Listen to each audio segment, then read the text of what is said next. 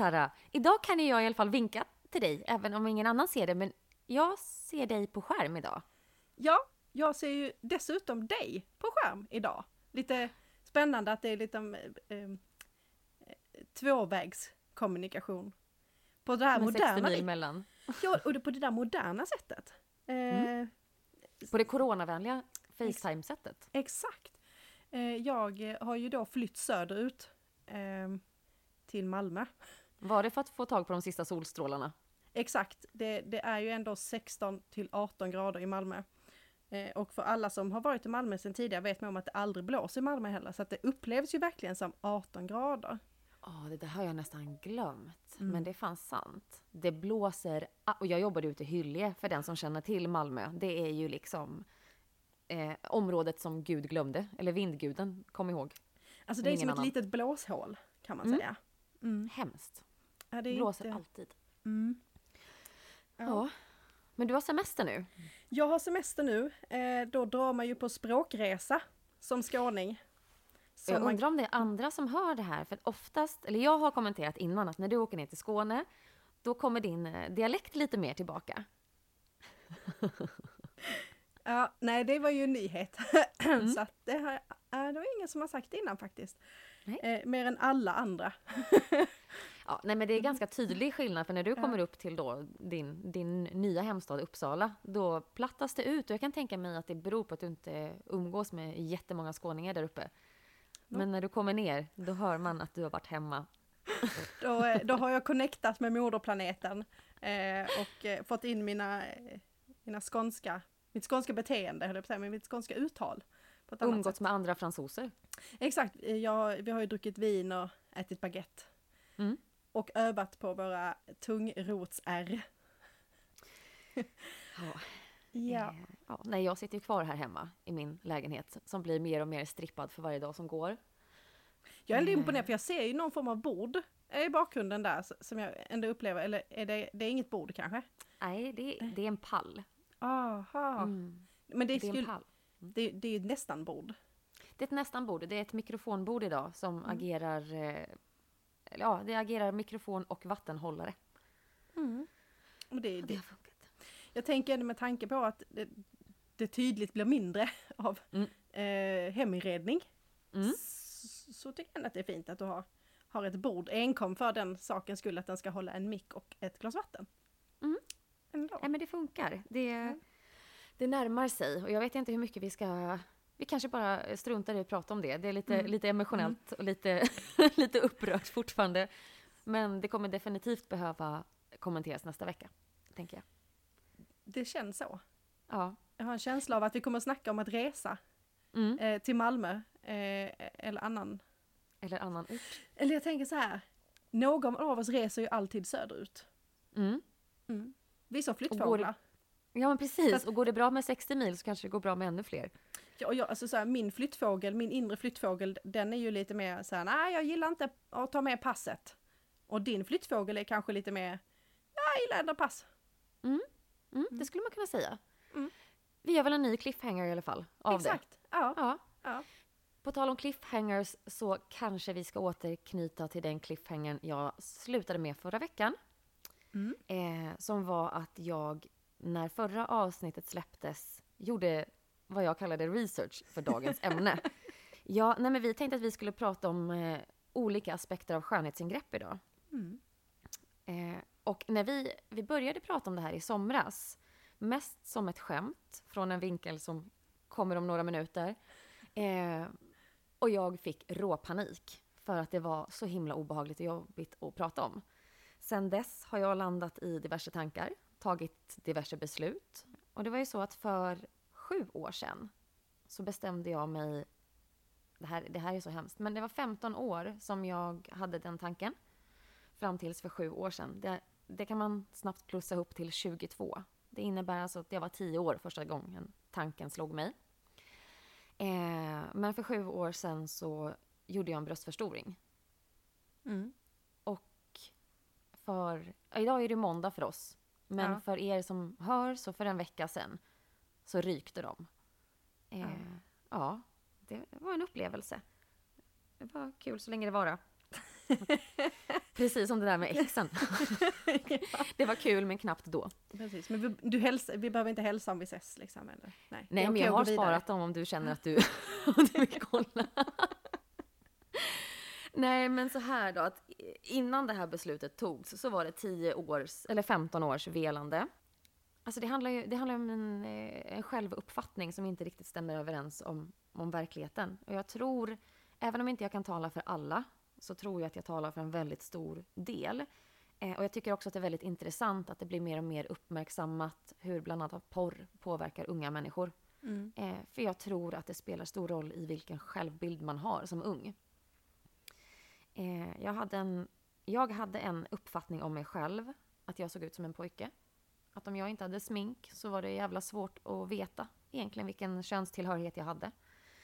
Eh, vilket alltså betydde att jag började reparera min dåliga självkänsla genom att klistra på saker utanför. Mm. Jag har gått igenom tror jag allt. Löshår, lösnaglar, lösfransar, löstuttar, lös... men Jag vet inte vad. Bara för att man ska göra sig fin. Men inte lössläppt. Inte lössläppt. Jag vill ändå Det- bara lägga in det, för det, det löset har du faktiskt inte. Det är ett Nej. lös som ingen av oss faktiskt har varit inne på. Vi har varit Nej. inne på lös många gånger. Men olika inte typer. den men, typen nej, av lös. nej. Och på det ämnet ska jag säga att när jag var ung, när jag var kanske 18 år och nämnde det här. Jag minns ju vem jag nämnde det för och vem som sa den här kommentaren, för vissa saker sitter hårt. Eh, då fick jag höra att jag av alla människor borde inte göra en bröstoperation för jag vill ju ändå inte ha en kuk mellan brösten. Eh, för det är ju tydligen därför man skaffar dem. Ursäkta! Sorry. Nej men, true story. Det Ja. är en kommentar jag har fått. Mm. Ehm, Det ju... och det är alldeles ja. rätt. Jag är inte ett dugg intresserad av att min kropp ska vara en tillhörighet för någon annan. Och då enligt eh, person av annan könstillhörig, annan könstillhörighet än mig själv så var det då inte värt. För att sånt skaffar man för att någon annan ska få njuta av det. Okej. Ja. Ja. Mm, jag låter den sjunka in lite. Mm. Men eh, jag sa det där som, som jag märker att jag har många vänner idag som har fått barn. Eh, eller av andra anledningar fått för sig att man med åldern inte duger till. Och, eller ja, det kanske de inte tycker. Men eh, jag läser så mellan raderna och de säger att nej men jag gör inte det här för någon annan utan jag gör det för mig själv. Eh, och det sa ju jag också. Jag gjorde det för mig själv för att jag inte trivdes i min egen kropp. För att jag skulle kunna köpa andra kläder som jag inte vågade ha på mig. Eh, men och redan här är det liksom, det är så många varningsflaggor och så mycket fel. Eh, men man ser det oftast inte när man är inne i sitt eget. Man blir ganska bl- förblindad av sig själv. Mm. Men för mig börjar det med att nej, men jag ska göra det här för mig själv för att då kommer jag må bra sen och då kommer jag ha ett självförtroende. Mhm. Mm. Mm. Och jag diskuterade med mig själv i många år, som sagt 15 år fram och tillbaka. Varför kan jag inte bara vara nöjd? Jag är ju den jag är. Varför är inte det bra nog? Och sen så, ja, med lite tid emellan så kom jag alltid fram till att fast det är ju inte bra. Det är inte fint. Det ser inte klokt ut. Så här kan man inte se ut. Det är ju pinsamt liksom. Eh, Mm. Så ja, eh, 42 000 kronor kostade det mig för sju år sedan. Och fan. Ja. det, det är många pengar som gick på det. För att man kan ju tänka sig så här att ja, men om man gör en sån sak, borde man inte vara jätteglad och nöjd då om man nu har gjort det för sig själv och man har fått det där som man alltid ville ha och man kan ju köpa de där kläderna man ville ha. Mm. Men så enkelt är det ju inte för att när du öppnar en dörr så kommer ju förmodligen någon annan stängas. Eh, och i och med att så här i efterhand, jag kan ju verkligen erkänna att det handlar ju inte om vad jag hade för självbild. Det handlar ju om vad världen har för, själv, eller för, för bild av hur man ska se ut. Vilka intryck man blir matad med. Vilka människor man umgås med, vad andra säger och hur man uppfattar det. Eh, så att det blev ju istället en helt ny garderob som jag inte kunde använda för att min självbild inte stämde med så som andra började se mig. Mm. För som jag sa så finns det ju folk som tycker att om jag har den kroppen då ska de få njuta av den eller få använda den. Och om jag har skaffat sådana då måste jag ju vara ja, men i alla fall lite bimbo. Mm. Och det är inte jag. Nej, nej, mycket kan man säga.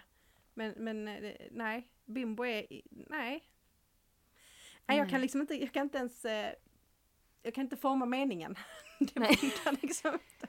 Nej, att, eh, nej men att, någon, att man skulle tro att jag skulle fördumma mig själv eller helt plötsligt bli en produkt för att vinna, vinna andras, jag vet inte vad man ska säga, men att vinna på att vara någon typ, någon typ av eh, Anna Nicole Smith-figur. Mm. Jag tycker inte om att folk objektifierar mig, vilket gjorde att jag började klä mig i en annan typ av kläder. Alltså större, pösigare kläder för att jag vill inte ha den uppmärksamheten.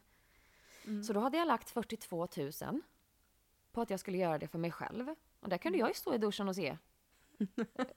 alltså, så jävla ball var ju inte det liksom. Eh, och det blev väl en liten, liten nedåtgående spiral med som sagt vem man attraherar, vilken typ av människor, vilken typ av kommentarer man får.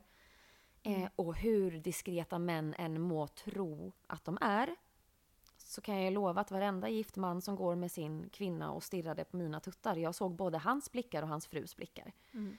Eh, Och det har inte varit än. Och jag, jag har aldrig trivts med det. Jag har aldrig velat att någon ska kolla på mig på det viset. Kan, nu hör jag ju liksom så här, ja men skyll dig själv då. Du vet. Nej, Nej. nej. Inte från dig, men från andra kan jag tänka Ja. mig. Ja. Du må, någonstans, man måste ju bottna i vem man själv tycker att man är. Mm. Versus vad som nu helt plötsligt är så jäkla viktigt. För det man gör är att man, man skär i kroppen. Man skär sönder nerver, man påverkar muskler. Och jag kommer komma tillbaka till saker som jag inte har varit medveten om förrän för nu en vecka sedan. Som Mm. faktiskt har skadat mig mer än jag visste. Men det jag har vetat om, det är extremt mycket oönskad uppmärksamhet på ett helt fel sätt som har gjort att jag inte känt mig bekväm att ens gå i bikini på stranden.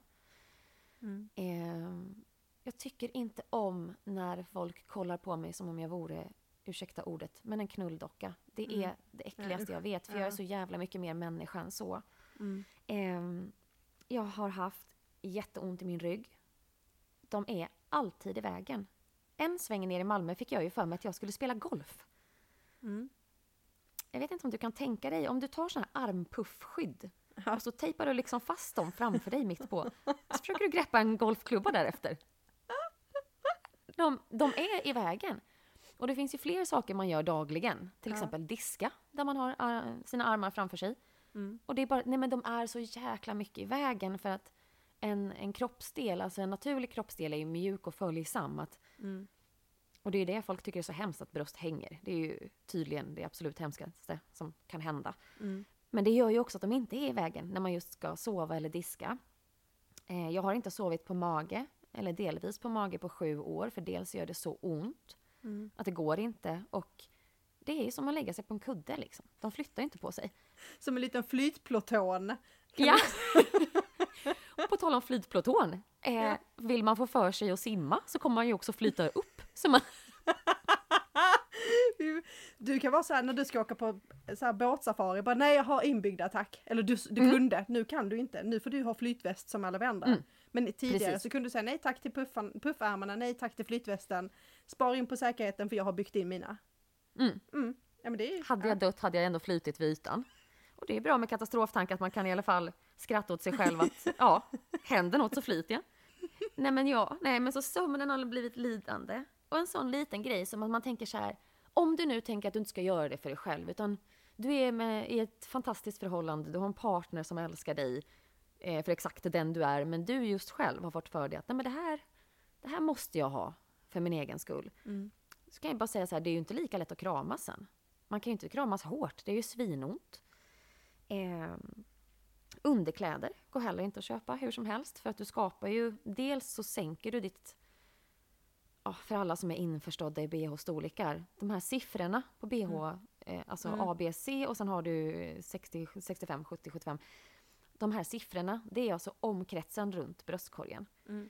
Och lägger du in implantat så kommer den per automatik att hoppa ner några centimeter, alltså bli lite mindre. Mm. I mitt fall som redan är smal så gick jag från 70 till 65. Och sen så ökar vi också då till att det blev F. Vi har ju 70% män som lyssnar. Ja. De är förmodligen helt ute på djupt vatten nu. Men De F bara, är alltså inte hur stort det är, utan det är ju Nej. alltså i förhållande till omkrets. Ja. Det är alltså relativt. Alltså det handlar om hur mycket det kommer ut från kroppen. För Mm. det, det är ju så du mäter det. Du mäter ju, för att få fram, det här är ju en liten BH-lektion, men du Mm. mäter ju först under brösten. Eh, där får du ju siffran 70, 65 Mm. eller vad du nu har för någonting. Eh, och sen så mäter du där brösten är som sticker ut som mest. Skillnaden mellan de här två måtten eh, i centimeter kommer då ge vilken kupa det är. Alltså hur Mm. mycket den, det petar ut, hur mycket eh, volym. Mm. Eh, det, det, det tror jag att våra 70% av våra lyssnare behövde höra. Mm. Och då kan jag också säga det, det som följer med om man hoppar upp till storlek F från C, det är ju att den här, jag vet inte vem som kom på idén, att man skulle ha en liten metallbit som trycker in i bröstkorgen. Alltså bygeln under bhn. Det lilla terrorverktyget, det hamnar ju helt plötsligt under armhålan. Det är ju alldeles för brett för kroppens naturliga bredd. just det. Ja, det är Mm. klart. Så jag har ju Mm. haft skavsår Mm. på sidan eh, under armhålan. För att det är liksom inte anpassat för att man ska se ut så. Mm. Eh, jag fick dessutom, men säg att det var två eller tre år sedan, Mm. och då hade jag dragit på det i sex månader, men jag hittade en cysta i mitt bröst. Och det ska man ju veta att silikon medför ökad risk för bröstcancer. Mm. Och jag hittade en eh, knöl i bröstet. Eh, och som jag har avverkat så har jag ju enorm läkarfobi. Vilket gjorde att på sex månader så gick jag och tänkte så här, fast hade jag haft cancer, hade jag nog vetat det ändå. Då hade jag väl känt det på något vis. Det här behöver inte jag kolla upp. Eh, Men där vaknade inte katastroftanken. Typ, hoppla hejsan. Utan nej det, men det blev för obehagligt. Ja, okej, så det slog liksom över och blev att nej, vi går inte till läkaren för att den, det, kroppen klarar detta själv. Det så har det varit i alla tider. Ja, men jag tänkte nog lite så här strutsmetoden.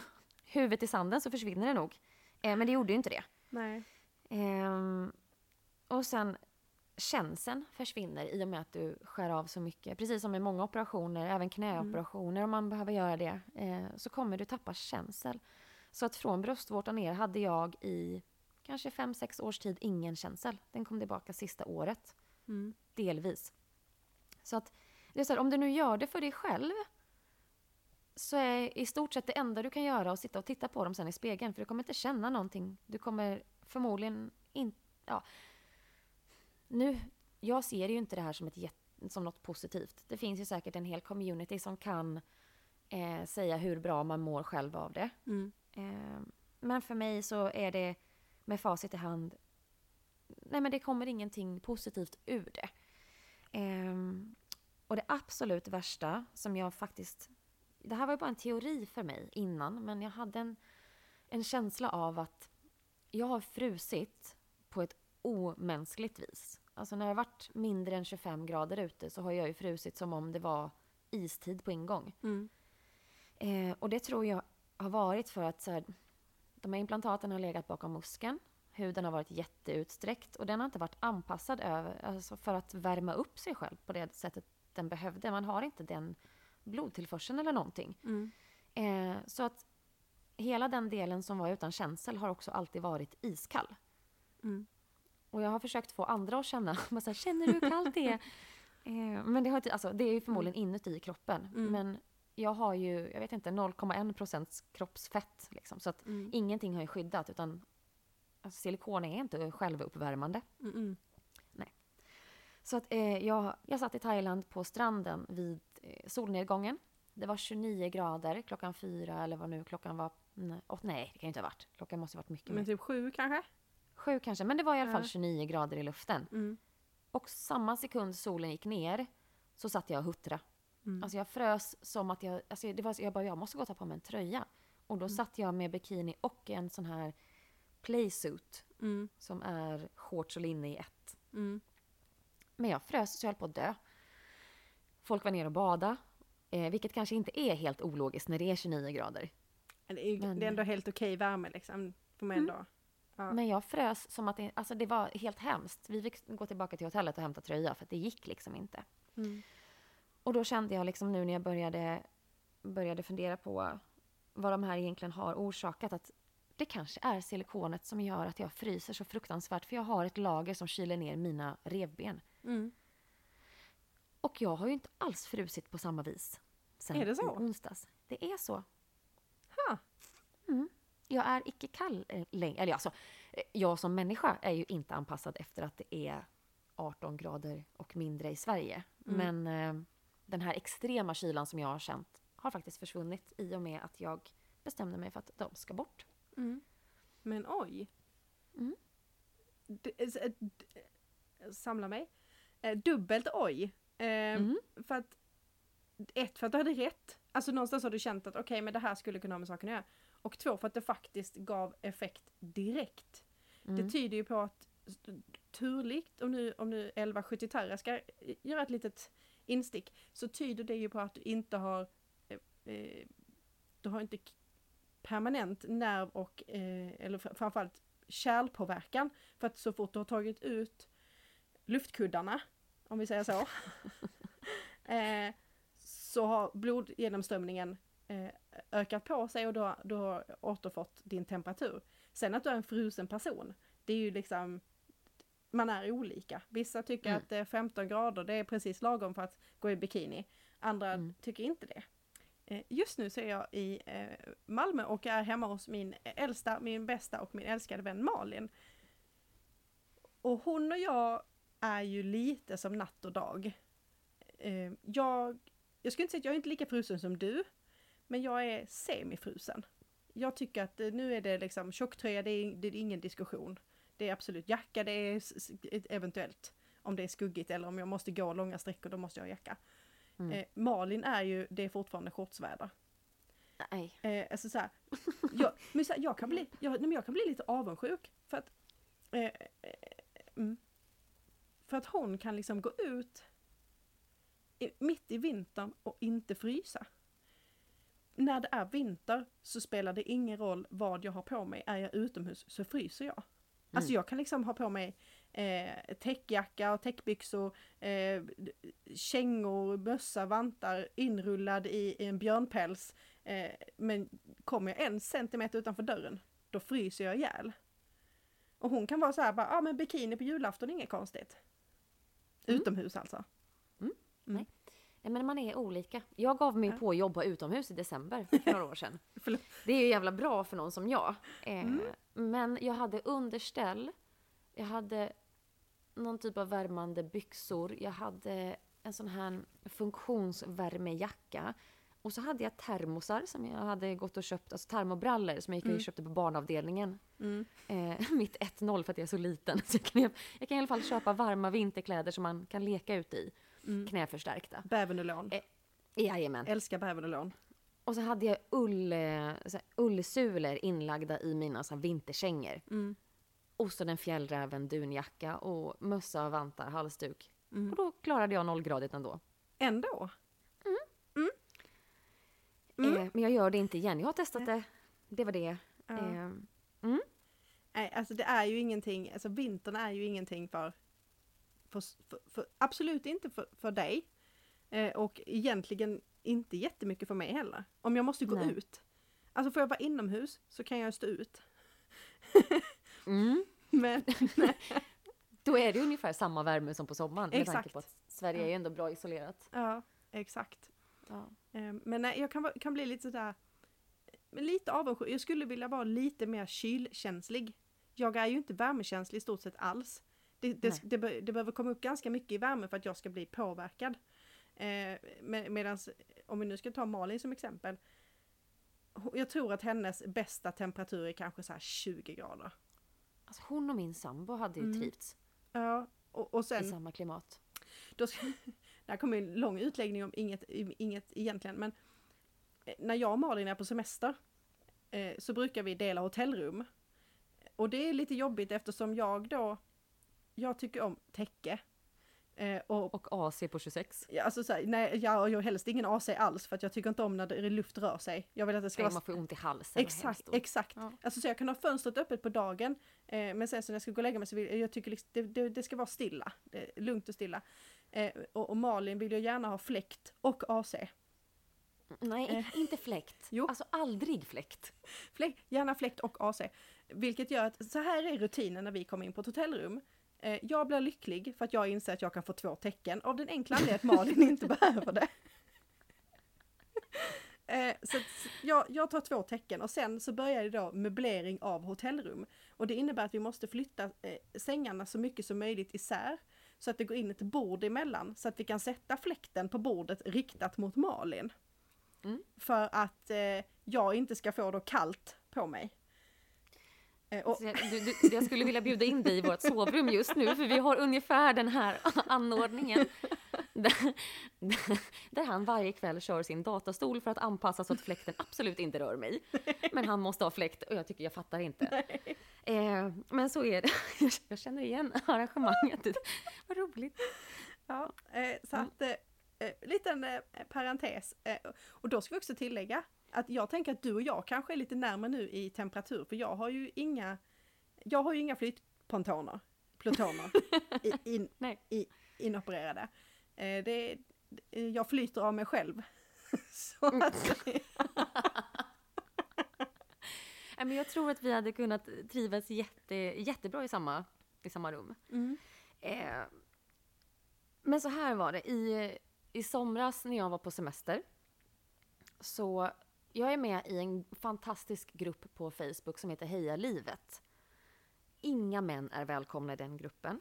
Och då vill jag förtydliga att det är inte en av de grupperna där tjejer sitter och slänger ur sig skit om folk, utan det här är en, alltså det är en otrolig grupp där det bara är positivitet. Man peppar varandra, man hjälper varandra.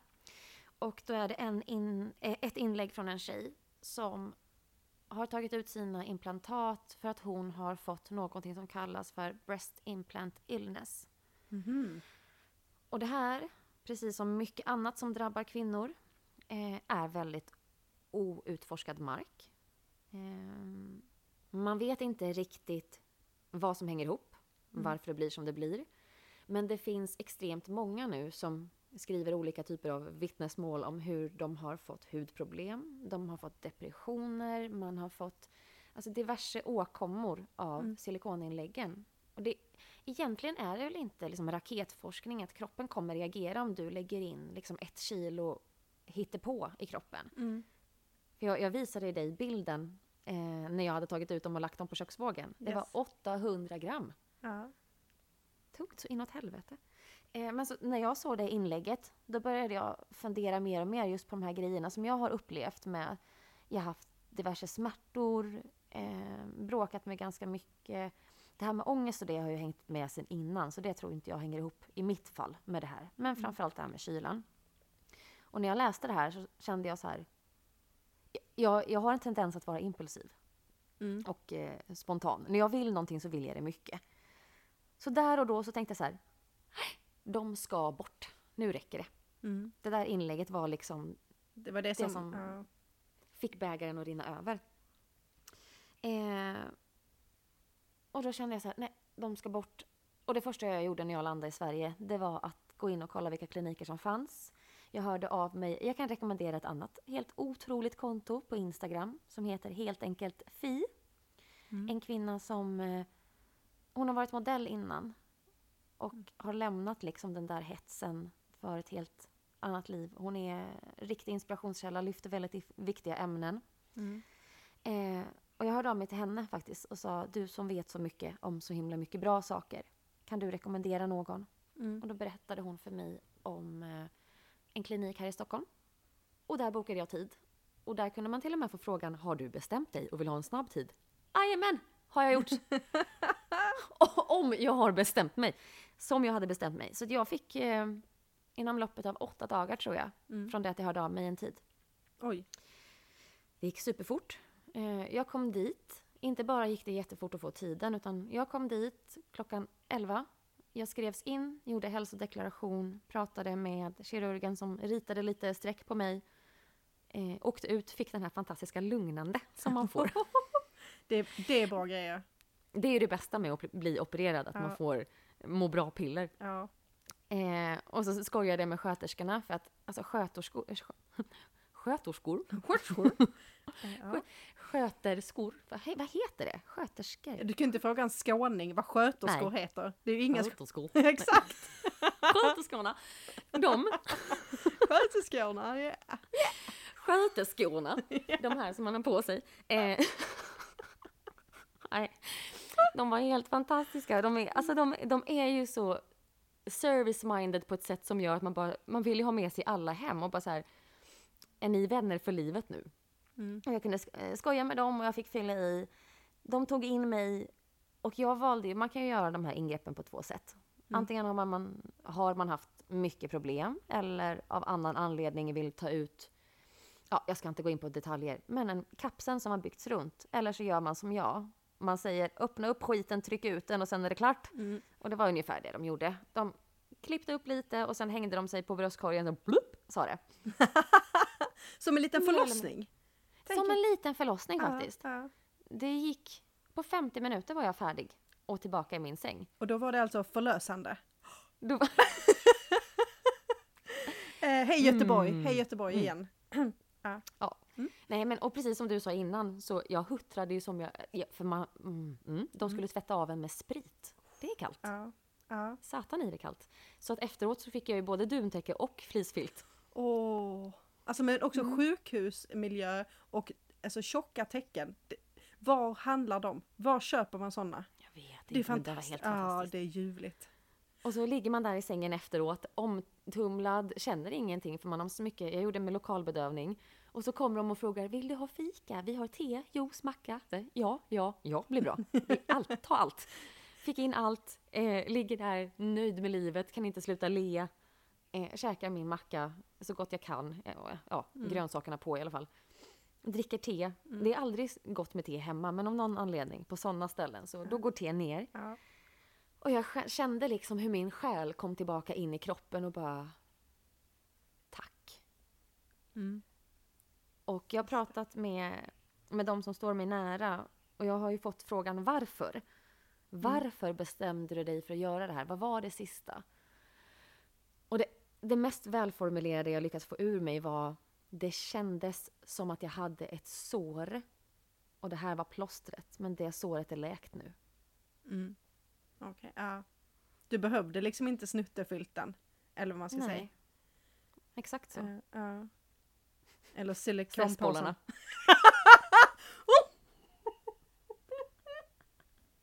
Eh, Ja.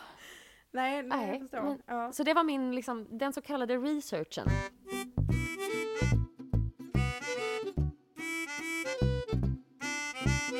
Jag fick ju frågan efter förra veckan faktiskt om jag hade pluggat läkarlinjen eller någon form av eh, annan utbildning som är med kroppen. Eh, och nej, jag har aldrig öppnat en hjärna. Nu hade jag ju jättegärna gjort det.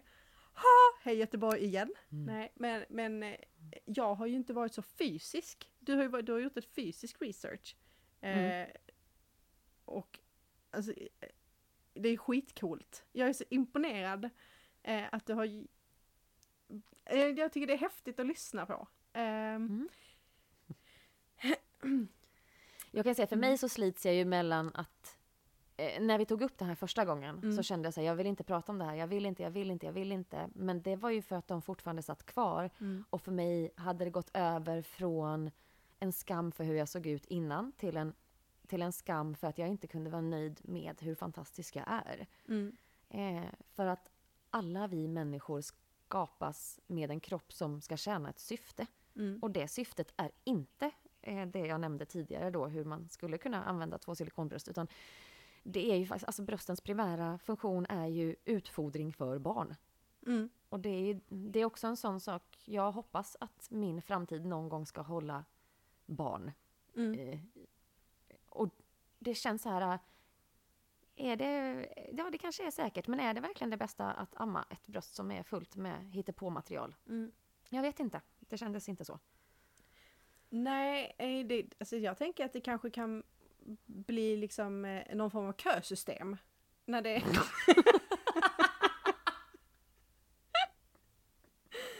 eh, som du hör så har jag då forskat, eller forskat, jag har då researchat hjärnan, jag har inte researchat bröstuppbyggnad. Eh, men, men rimligen så tänker jag så här.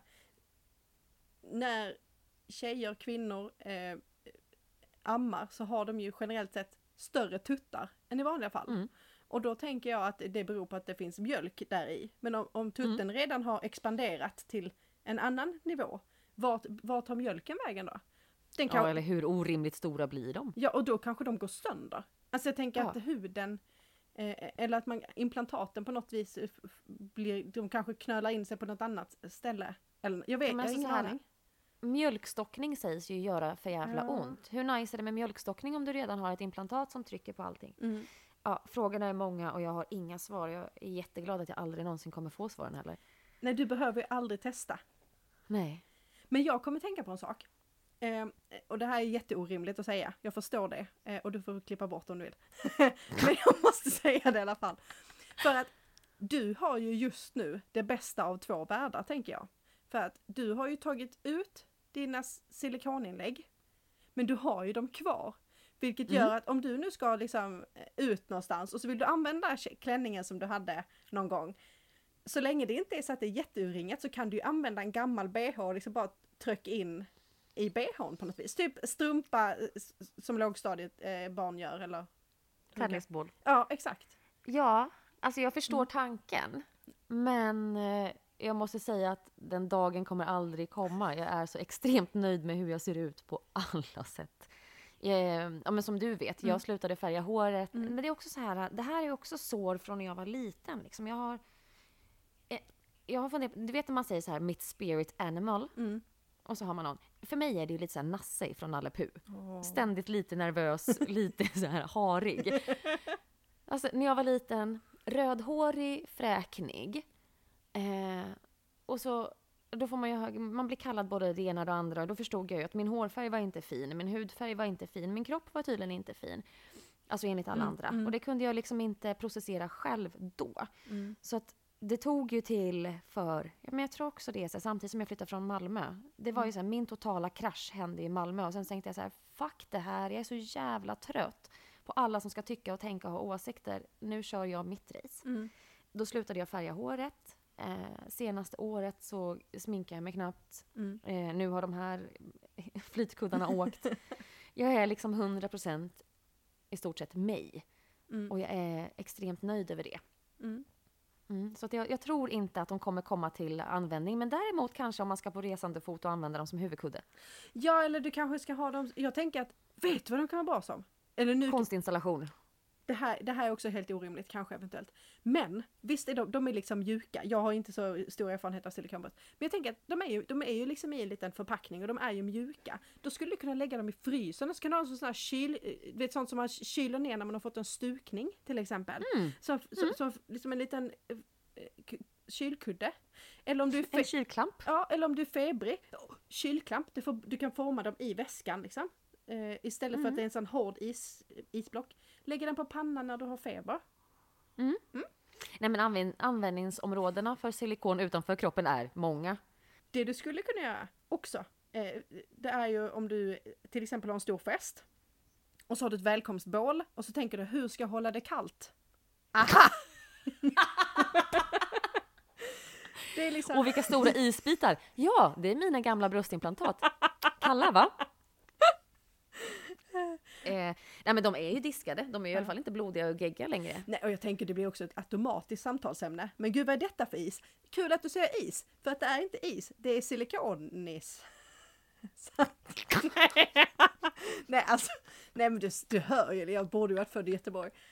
Men, men jag tänker så här, vad kostar det då, om jag nu ska vara lite eh, eh, sådär, kostar det att ta ut de här eller ingår det liksom på något vis någon form av refund i att sätta i dem? Om du tar ut dem inom så här lång tid så Vad jag har läst och försökt förstå mig på, för det finns ju det här med breast implant illness. Det finns ju de som blir riktigt, riktigt sjuka direkt och eh, tar ut sina implantat efter sex månader och nej. I och med att det är frivilligt att sätta i dem så får du heller ingen hjälp om du får problem. Nej.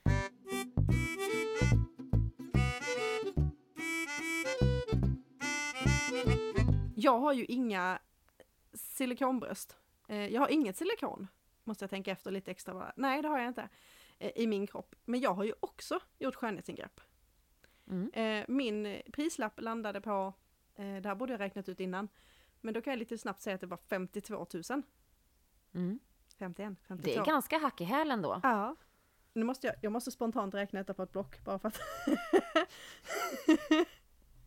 Bara dubbelkolla så att jag räknat rätt. Eh, förlåt, 51 och 5. Oh, vilken skillnad! Tänk om det hade Ja. blivit fel. Och, och då vill jag också, vi återkommer till den 500-kroningen eh, som var fel där. Eh, det jag har gjort, eh, jag har ju då, jag gjorde mitt första skönhetsingrepp för fyra år sedan. Mm. Eller fem. Det kom vi tillbaka till det här att minnet är, det är inte det opererat. det är det jag borde ha opererat men det har jag inte gjort. Eh, Lägga in silikon i hippocampus. ja precis. Förstorat hippocampus. Det ska ju vara bra för minnet. eh, men nej, jag opererade mina ben. Eh, För att bli lite längre. jag ville bli längre, eh, så att jag gjorde en benförlängning. nej.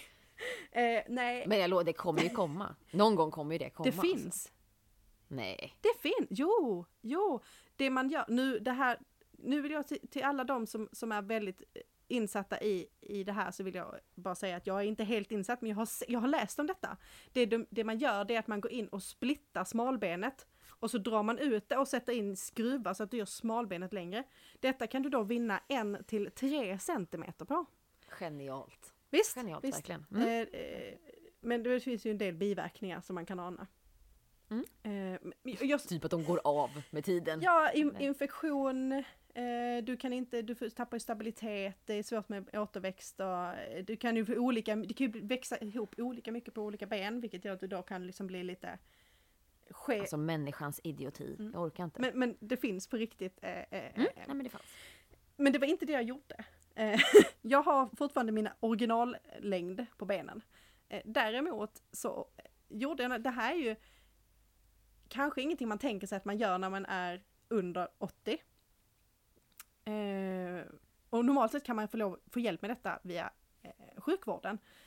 Eh, men då ska det vara väldigt allvarligt. Mitt var inte jätteallvarligt, men det var så pass allvarligt att det störde mig. Eh, Mm. Och jag hade eh, helt enkelt åderbråck i mina ben. Ehm, och eh, för att ta bort det så går man till en klinik, en skönhetsklinik.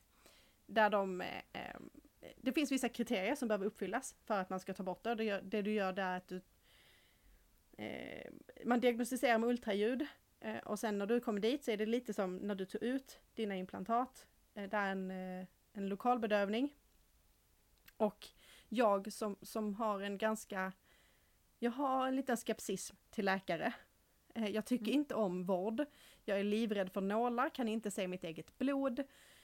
Har lite issues. Eh, Då, då Mm. får man också lite av den här lugnande som vi pratade om innan. Eh, Min, eh, min kirurg, en, kärlkirurg, eh, han, han sa så här, Kan, kan vi säga kärlkirurg igen på skånska? kärlkirurg. Varsågoda allesammans. Det kommer en textad version. Eh, när, en dag, helt enkelt. Mm. Eh, kärlkirurg. Eh, jo. Han sa så här, och här kommer tre glas vin. Och så tryckte han in nålen då och sprutade in det här lugnandet. Och det, det är ganska, det är ju som att bli omfamnad av en varm glad filt inifrån. Eh, man, jag kände liksom att det kom något varmt i blodet. Och sen så blev man lite sådär lagom avslappnad, snacka skit. Eh, och eh, det man gör det är att man för in en laserbrännare eh, i kärlet och sen bränner man kärlet inifrån. Från ljumsken till eh, ankeln. Helt enkelt. Jag gjorde, eh, just när det gäller åderbråck i ben så har, eh, har man två eh, vener per ben som kan, kan skapa åderbråck. Eh, så jag tog ett kärl i varje ben. De andra var liksom OK, då, då rör man inte dem. Ehm, och det går också ganska snabbt och sen så gör de, jag, jag tror jag har någonstans mellan 30 och 50 eh, en halv millimeter långa snitt på mina ben på baksidan och lite på framsidan där man då drar ut eh, det som en del av det som har väckat sig liksom. Och sen så resten äter kroppen upp inifrån. Ska inte försöka gå in för mycket på det kanske men men någonstans 30 till 50 minisnitt per ben. Och sen är det klart och så lindar man benen och så går man hem och så lever man life. Men någonstans när jag låg där i min i mina tre glas vin artificiella rus med min eh, eh, eh kärlkirurg arbetandes så slog det mig en tanke. Eh, detta skulle kunna hänga ihop med att jag då var eh, lite tre glas vin berusad. Så helt plötsligt så hör jag ju mig själv fråga kärlkirurgen lite sådär, lite oroligt dessutom för att det här var i det här läget där jag var då. Då var det en, en, en på riktigt en oro jag kände. Eh, så här, och, ja, så det, det jag frågade var bara du, eh, det är inte, du, det är inte min, det här kommer inte påverka min humoristiska ådra, va? Um, och eh, kirurgen då uppfattar antagligen att, jag, att det är ett skämt. Så att han börjar ju gapskratta och bara, nej, nej, hum, eh, ehm, eh, jag ska försöka undvika eh, din humoristiska ådra, jag kryssar mellan, eller något sånt här. Och sen tänkte jag, men det var ju tur det i alla fall. Jaha. Ja, och sen, och sen någonstans 40 minuter efter att jag kommit hem så insåg jag, för då, återspelade jag detta i mitt huvud, eh, och då insåg jag ju att han uppfattade inte att jag var seriös. um, nej, det kanske inte är det mest där. Ja, nej, men det här är en allvarlig fråga för det jag tänker den här humoristiska ådran som i mitt fall löper från lilltån upp till ljumsken. Eh, hur kommer det bli ja. om, om den försvinner? Kommer jag helt plötsligt bli göteborgare eller? Ja, men lite så. Ja. Det är väl kanske, ja, nej. Um, och det, det, det, det, finns ju ingenting som är en humoristisk ådra kanske då ska säga. Eh, men, eh, det är lite som det här äh, ögonmåttet. Ja, exakt. Det, var ligger det ens? Mm. Eh, nej, så att, och, och någonstans där så insåg jag också det här med lugnande, det är ju kul, all fun and games när vi är där och då, men jag ska ju inte ha sånt för att jag, mitt huvud behöver jag kunna hålla nyktert och hålla i schack. För att annars kommer de här sakerna rakt ut utan filter. Mm. Um, helt enkelt. Men det är mitt, min ena, eh, det kostade 17 000. Mm. Eh, vilket ändå är ganska mycket kan man tycka. Liksom. Verkligen. Alltså bara för, för, eh, för det här. För dra ut två snören? Ja men lite, och man drar inte ens ut dem utan man låter dem ligga kvar. Så det är ju efter den operationen så man har ju fruktansvärt ont kan jag säga. Eh, mm. I ungefär så här, olidligt ont, som är att det här gör så jäkla ont så jag kan inte leva och hantera det här riktigt. I kanske fyra, fem dagar. Eh, för det som händer där är att du bränner ju kärlet inifrån. Så att det, det börjar förtvina, du dödar ju kärlet, så det förtvinar. Mm. Eh, och känslan är ungefär som att du har satt in en, eh, tänk att du har satt ett, ett hårt stumt gummiband. Eh, mm. Och satt fast det i ljumsken och satt fast det i knät och satt fast det i din ankel. När du står på rakt ben. Och sen böjer mm. du benet. Så varje gång du skulle flytta benet i någon position så, så drar det, det känns som att du går sönder inuti. Men gud. För att den blir ju helt, ådran som normalt sett är följsam och liksom är med i kroppen. Helt plötsligt blir den bara stum, helt stel. Mm. Och tills den börjat förtvina mer och mer så gjorde det ju väldigt ont. Eh, lite som jag tänker när man har ett silikoninlägg och man ska flytta det till olika ställen. Förutom att jag inte kan flytta eh, ådran liksom. Nej men det är exakt samma mm. för de sitter där de sitter. Ja. Alltså, det är det som är problemet när du vill lägga den ner att mm. Eh, eh den, den, den, sitter fast. Ja men precis, det, det, är bara där liksom. Och det är lite samma mm. med det här. Så att, och då ska du också tänka dig att de första två veckorna efter en, en sån eh, kärloperation, då ska du ha stödstrumpor det är också sexigt. Ja, och då pratar vi stödstrumpor som går från fot till ljumske. Ah. Det specialköper man då på sjukan. Eh, de är jättesköna. på riktigt. Och jag Det lät faktiskt jävligt skönt. Det, jag har ju använt mina stödstrumpor flera gånger sedan dess. För att de är ju vita. Och det är helt perfekt när man ska ha så här maskeradkläder. Så att när jag var Snövit på den där maskeraden för fyra, tre, fyra år sedan, då hade jag stödstrumpor på mig. Klockrent. Hur, ja. hur har du fått återanvända de här 17 000? Jo, nej men en maskerad. Då, då kunde jag ändå återanvända mina strumpor. Ja, ja. Men jag tänker det borde vara bra när man flyger också. Och det, och det är det. Det är, det är smart och det är så att du vet att du ska iväg en hel dag, till exempel stå mycket och sånt här. Eh, speciellt om du då skulle tillhöra en kroppsplågare som kanske går i högklackat. Eh, oh, eller i, om du så här, om du har väldigt tajta byxor på dig till exempel, också jättebra. Mm.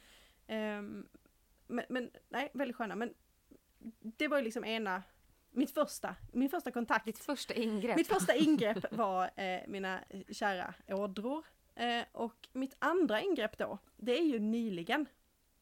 Eh, nu, då pratar vi att det blir färdigt i april i år. Mm. Och jag ska, ehm, eh, jag ska på återkontroll på detta nu på torsdag. Så det är väldigt i, nu, i nutid. Och det var ju ett ingrepp som kostade 35 000. Mm. Och då tänker alla som kan räkna 35 plus 17, det blir ju 52. Men! Mina vänner, då var det ju som så här va, att den här lyckligt lottade svensken fick ju 500 kronor i rabatt från Försäkringskassan. Ja, det är fan inte illa pinkat. Nej, 500 spänn är ju ändå 500 spänn. Och av 35 000 så gör det ju skillnad. Mm. Så det var ju 34 och 5 som jag betalade för min, Helt plötsligt blev det ju ganska överkomligt. då var det ju inget konstigt. Dra kortet och gå vidare. En månadslön eller två, Ja, ingen som blinkar. Nej, nej, nej, nej, kostar knappt. Eh, det är som kaffe på stan. Mm. Växel. Eh, nej, och det jag, jag har ju haft tandställning. Mm. Vuxentandställning.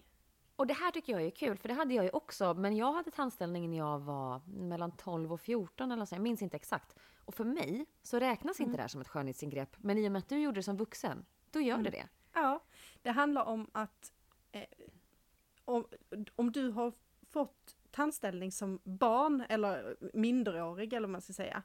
Då har, du, då har det varit ett medicinskt syfte. Eh, att det har, du har ett felaktigt bett eller det, du vet, det är inte så lyckat. Det har inte sett så bra ut i munnen. Eh, Mm. På ett sätt som är skadligt för dig på ett eller annat vis. Mm. Eh, mitt eh, bettfel var inte tillräckligt för att räknas som ett medicinskt. Alltså har det då ramlat över och blivit ett kosmetiskt. Eh, och därför fick jag då göra det när jag var vuxen och också betala en liten slant för det. Eh, jag hade mellanrum mellan mina tänder. Det var det som var mitt. Jag minns inte det här. Jag kan skicka bild. Men det jag tänker är ändå att alltså att fixa till sina tänder Mm. är ju... Det har ju med, alltså vem du än pratar med, vem du än möter i alla lägen, om du ler, det har ju, det har ju en funktion Mm. som gynnar dig. Mm. Eh, jag tror inte det är någon som har, har liksom satt in en vuxentandställning och sen bara så här Åh, jag har flyttat mina tänder så nu kan jag inte tugga längre. Nej, Alltså nej. Det, det är Mm. ju av ett syfte Ja. och framförallt det blir, alltså det blir fint. Man känner sig också mer säker i sitt leende och Ja men det, det är väl klart, det blir en annan sak. Eh, och sen var det också, det, det finns ju såklart olika ställen som man kan välja. Nu valde jag en, en, eh, en mottagning i Malmö eh, som är väldigt duktiga och då sa redan när jag var på konsultation från början så sa han så här, vi kommer inte göra någonting om, jag inte kan, om vi inte kan se att det finns ett, en vinst, en medicinsk vinst i det. Eh, och vi kommer, det här handlar ju, för jag sa så, jag vill bara få ihop gluggen, jag skiter vilket, jag vill bara ha ihop den. Och så, då Mm. sa han så här, vi jobbar inte så. Det vi kommer göra är att vi ser över hela bettet, du ska få ett så, målet är ett perfekt bett. mm, Eh, Och i det så ingår det att dra ihop tänderna. Men det handlar om så Mm. mycket annat. De har ju under de här, jag har haft tandställning i 18 månader. Eh, Räls upp och nere. Eh, Mm. Med gummiband. du precis, precis som jag har du kvar den här lilla Ja. metallstumpen på insidan Ja. av underkäken antar Jag har både underkäken och överkäken. Och det ska jag Mm. ha alltid. Mm. För att eh, just mellanrum är en sån sak som gärna går tillbaka. Eh, så det, det måste jag alltid ha. Det stör ju inte så liksom. man, nej men det märker man ju inte. Men, men någonstans så, har, så under liksom de här, det de, har, de har flyttat min käke, eh, både att de har flyttat fram underkäken, eh, jag har flyttat den lite åt höger, eh, jag har dratt ihop tänderna. Eh, det, är så mycket saker som har hänt utöver att gluggen är borta.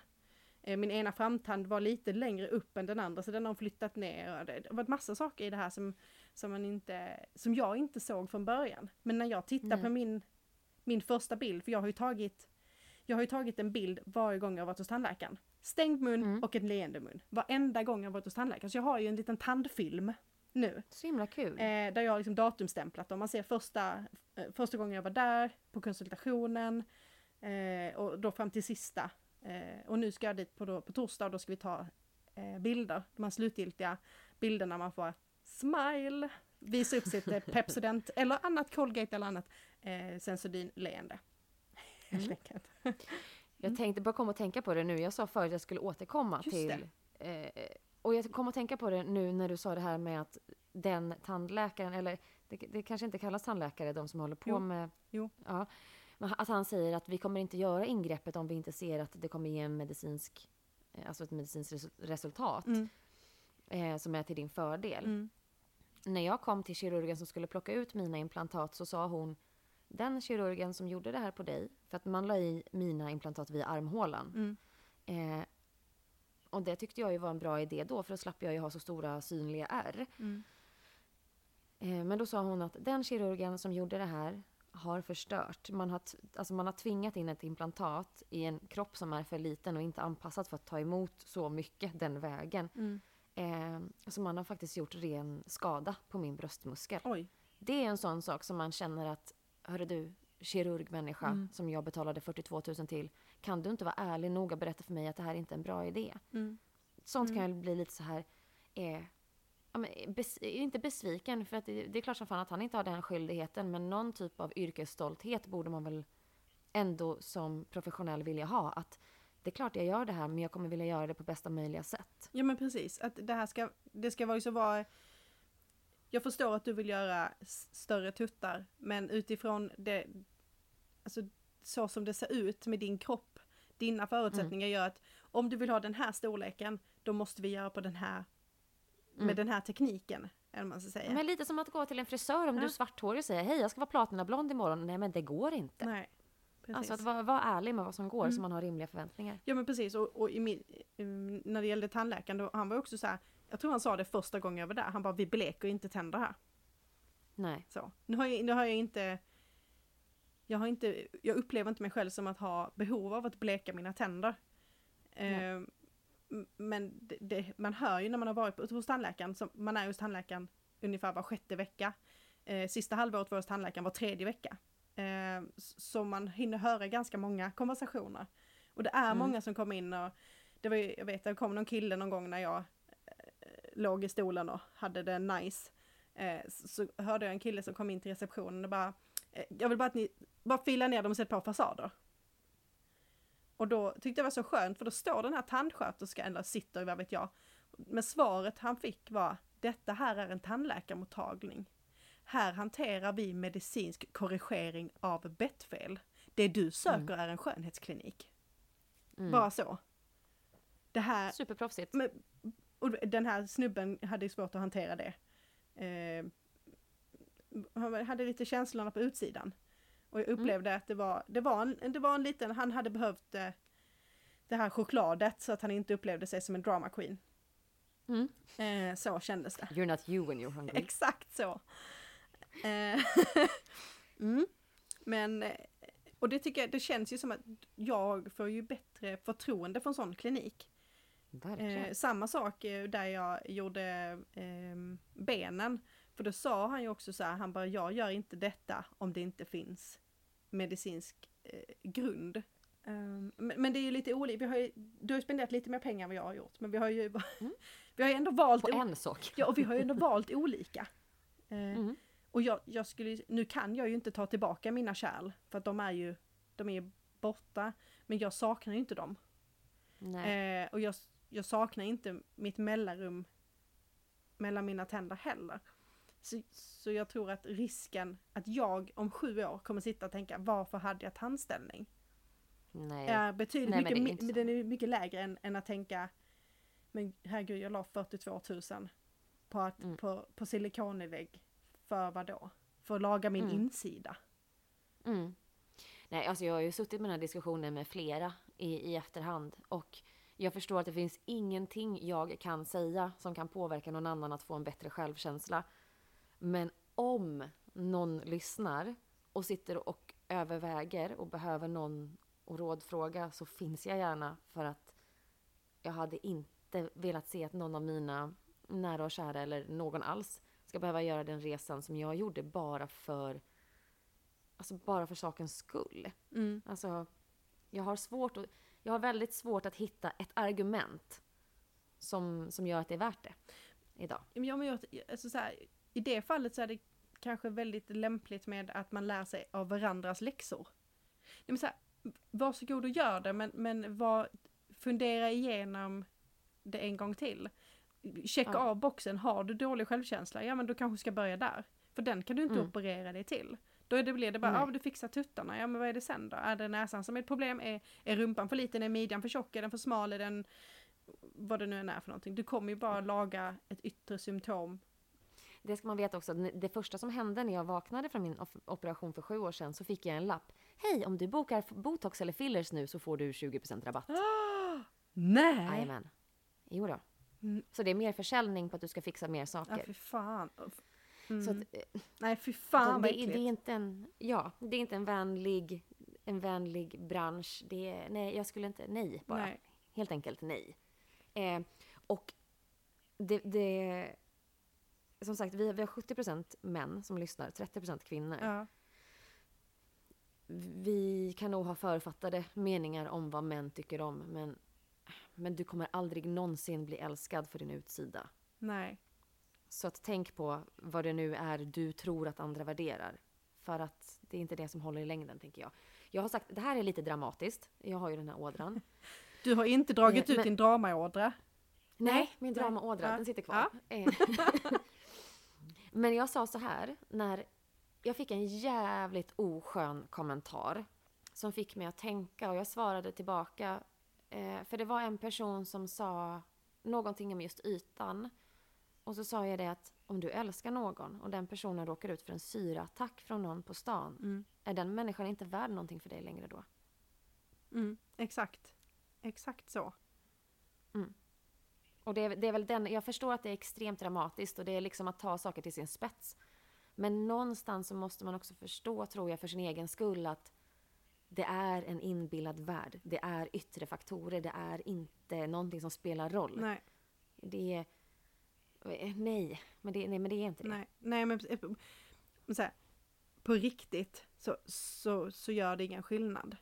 Det är inte Nej. där, det är inte där ehm, intresset, det som varar över tid, finns. Nej. Ja, mycket kan man säga och mycket åsikter kan man ha och för mig så är ju allting så jäkla färskt att det är klart att jag känner mycket och vill säga mycket och Mm.